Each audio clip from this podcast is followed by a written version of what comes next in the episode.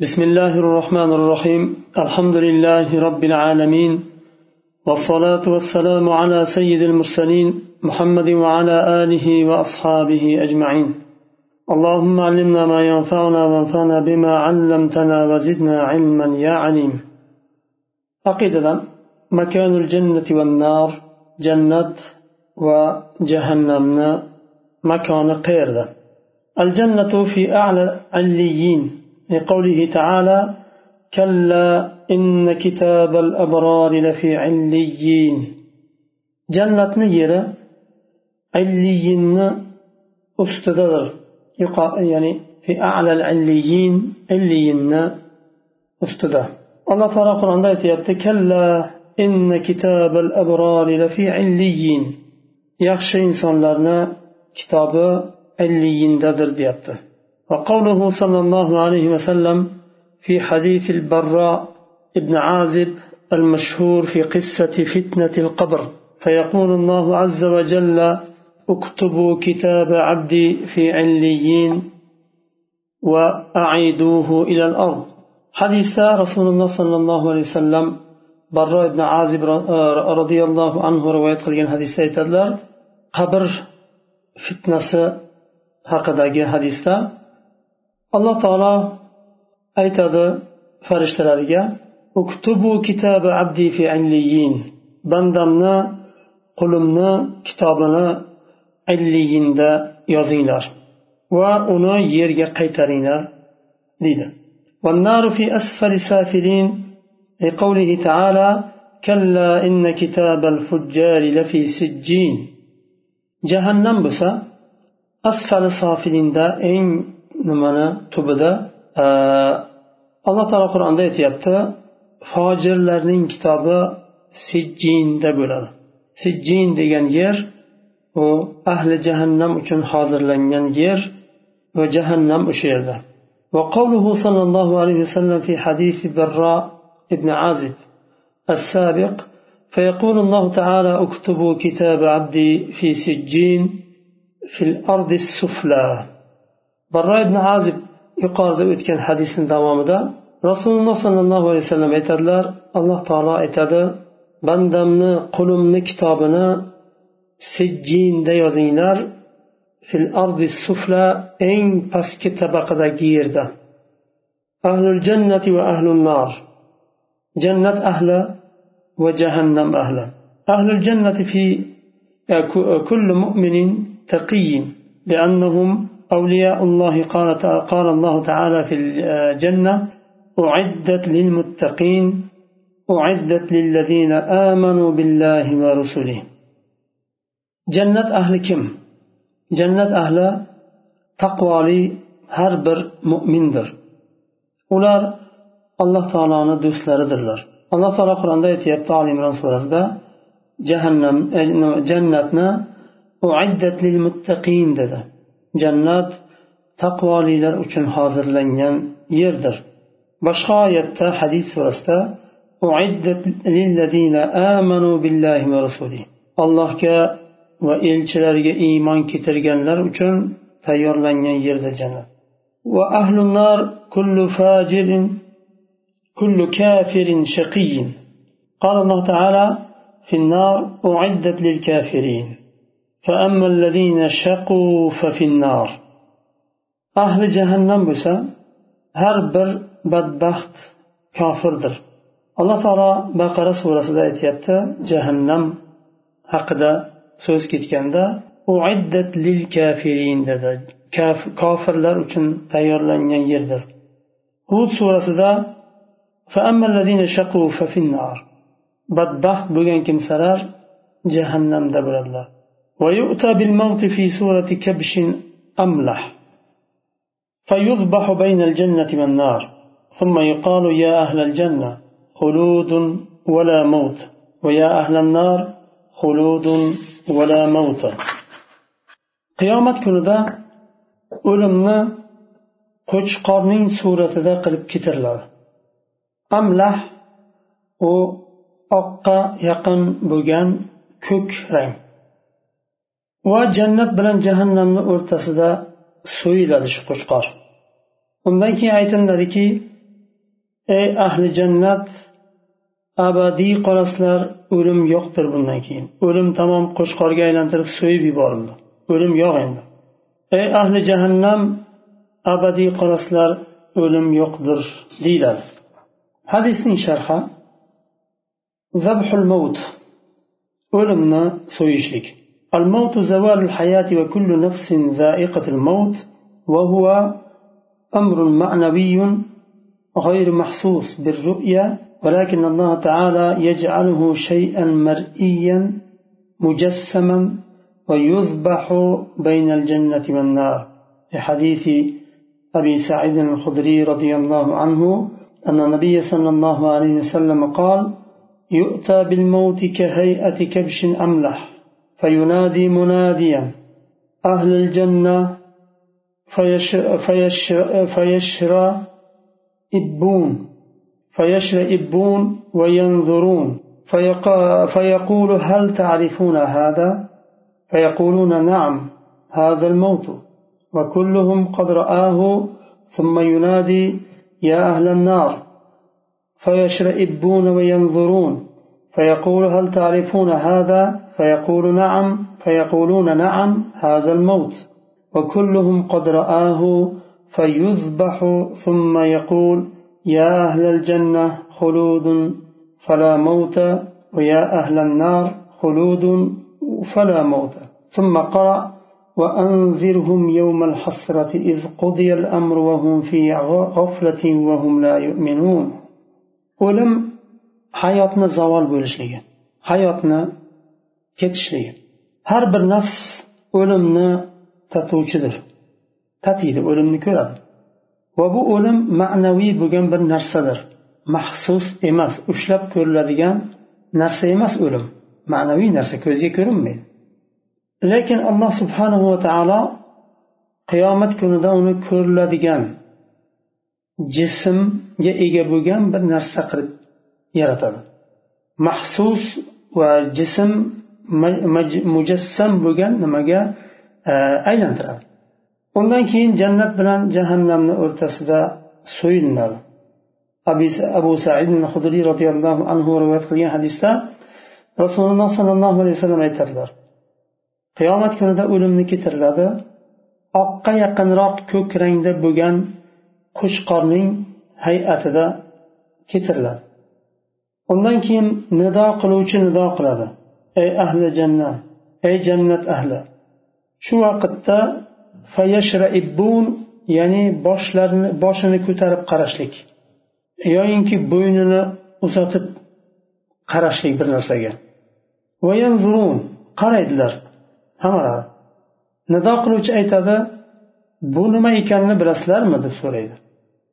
Shunda ahli jannat ha bilamiz bu o'lim deydi. Va ahli jannatni hammasi ko'radi bu o'limni undan keyin ahli jahannamga nido qiladi. Ey ahli jahannam deganda hammasi boshini ko'tarib qaraydi. Nido qiluvchi aytadi buni nima ekanini bilasizlarmi? Ahli jahannam ha bilamiz bu o'lim deydi. Va ahli jahannam ham hammasi ko'radi. Undan keyin bu qo'chqor qo'chqor e, shaklidagi o'lim jannat bilan jahannamni o'rtasida so'yinadi va aytiladiki ey jannat ahli abadiy qolasiz qolasizlar o'lim yo'qdir deydi. Va ey ahli jahannam abadiylik bo'ladi bundan keyin ya'ni abadiy qolasizlar o'lim yo'qdir deydi. Va undan keyin rasululloh sollallohu alayhi vasallam quyidagi oyatni o'qiydilar. hasrat kuni bilan ularni qo'rqiting. Ogohlantiring ularni hasrat kuni bilan.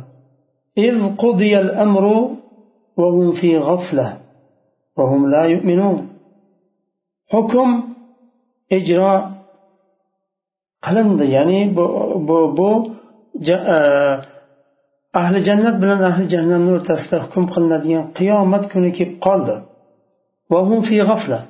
Ular g'aflatdalar ular iymon keltirmaydilar أخرجه البخاري في تفسير هذه الآية وروي نحوه في صحة الجنة في صفة الجنة والنار من حديث ابن عمر مرفوعا yuqoridagi oyatni tafsirida imom buxoriy rahimaulloh tahrij qilganlar bu hadisni va shunga o'xshagan rivoyat ham kelgan.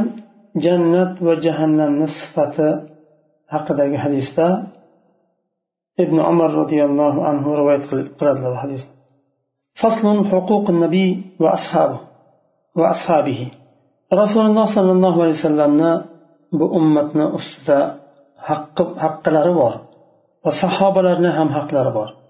Shu haqlarni haqida bugun yangi darsda bahs yuritiladi muhammadun rasululloh sollallohu alayhi vasallam xotimin nabiyyin va sayyidil mursalin لا يصح إيمان عبد حتى يؤمن برسالته ويشهد بنبوته ولا يقضي بين الناس في القيامة ولا يقضى بين الناس في القيامة إلا بشفاعته. ولا يدخل الجنة جنة أمة إلا بعد دخول أمته.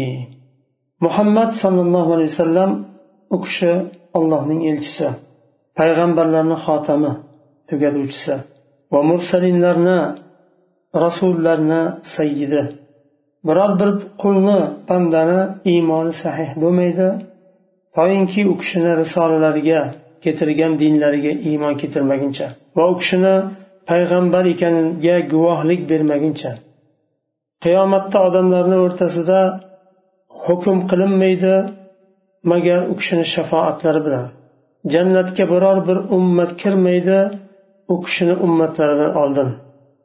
Sallallohu alayhi vasallam صاحب لواء الحمد والمقام المحمود والحوض المورود وهو إمام النبيين وخطيبهم وصاحب شفاعتهم أمته خير الأمم وأصحابه خير أصحاب الأنبياء alayhissalom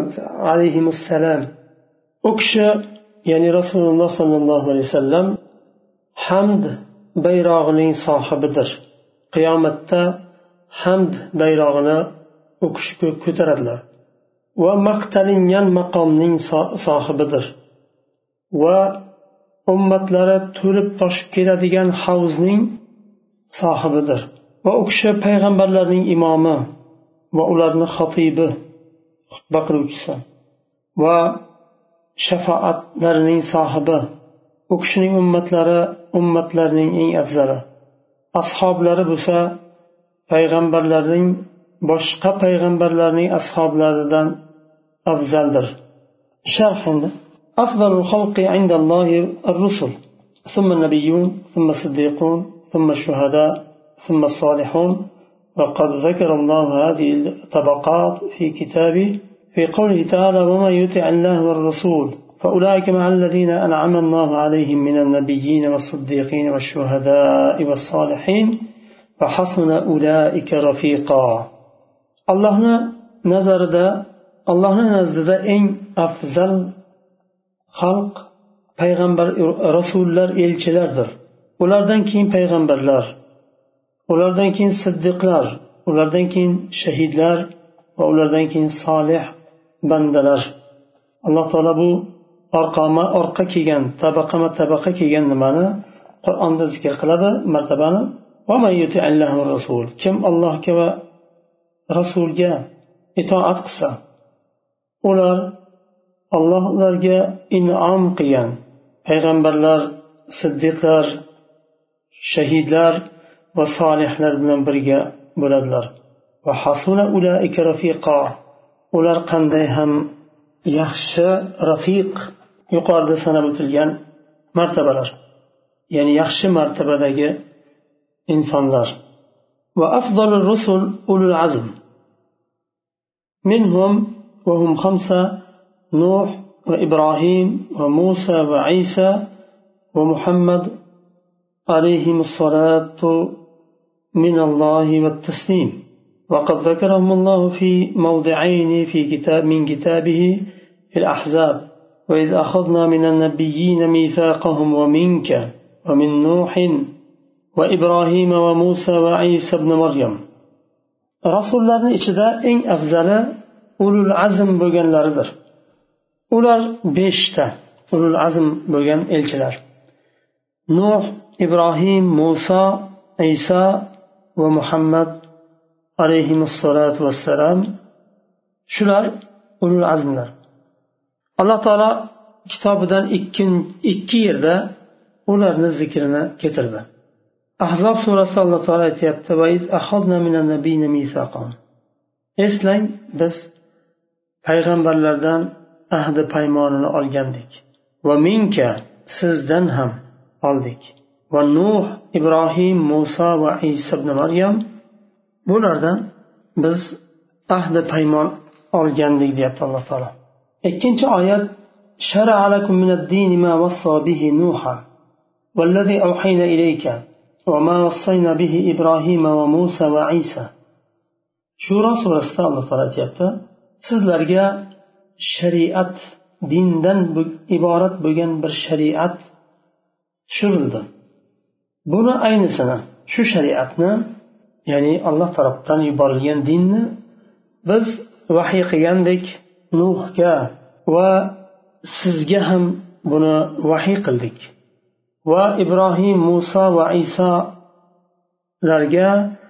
vasiyat qildik وأفضلهم محمد صلى الله عليه وسلم لقوله صلى الله عليه وسلم أنا سيد الناس يوم القيامة متفق عليه وصلاتهم خلفه ليلة المعراج وغير ذلك من الأدلة محمد صلى الله عليه وسلم أكشى ulul azmni ichida eng afzalidir hadisda aytadilar sallallohu alayhi vasallam men qiyomat kunida insonlarning sayyidiman deydilar va u kishini orqalarida turib payg'ambarlar namoz qiladi meroj kechasida bu ham dalolat qiladiki payg'ambarlarning ham butun bashariyatni sayyidi ekanlariga ekanligiga dalolat qiladi.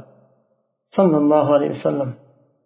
Undan keyin u kishidan keyin rasululloh sollallohu alayhi vasallamdan keyin ibrohim alayhissalom. Liannahu abul ambiya va millatuhu aslul milal. Chunki ibrohim alayhissalom payg'ambarlarning otasidir.